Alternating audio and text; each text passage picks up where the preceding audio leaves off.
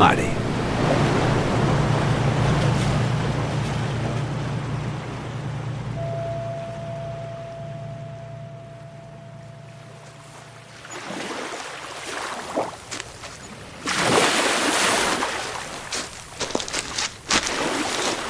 Mila lareun laro gitamarrean, Leonardo da Vinciek metalezko odi bat sartu zuen itxaspean.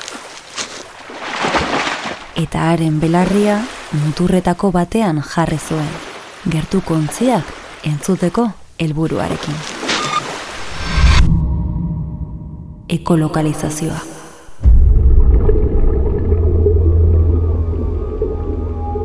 Laureun eta hogeita lau urte geroago, mila bederatzerun amalauan, Titaniken azbeharra eta gero, Reginald Fesedenek potentzia handiarekin soinuak emitetzeko eta haien oihartzuna jasotzeko lehen sistema asmatu zuen.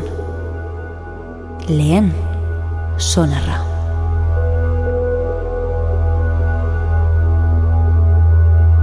Lehen eta bigarren mundu gerrarekin, hasiera batean izeberrak eta ontziak detektatzeko balio zuena, teknologia militar onenean bilakatu zen. Itxaspeko eraso eta defentsan.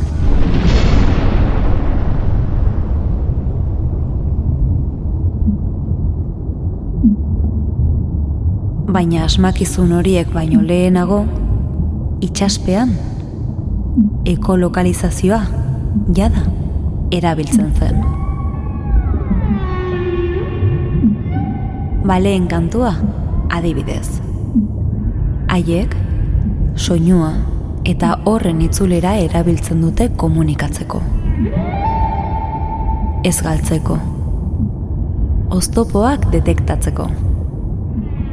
Gorteatzeko. Haien artean aurkitzeko. Edo ta arriskuetaz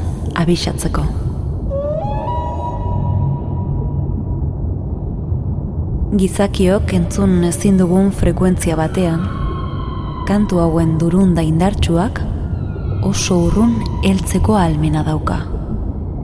Bale urdinaren kasuan, iru mila berreun kilometrora heldaiteke.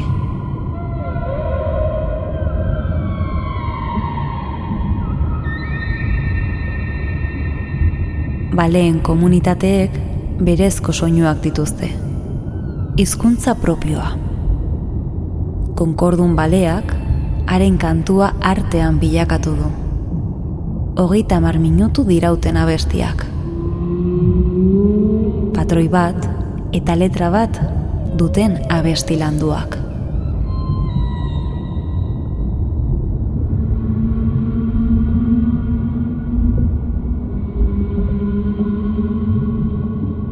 Gaur egun, itxasoen kontaminazioak, poluzio akustikoa barne, baleen kanten volumena eta zenbatekoa handitzea eragin dute. Galtzeko arriskua ekiditeko. Eta kostetan ez ondartzeko. Haien abestia eten ez dadin.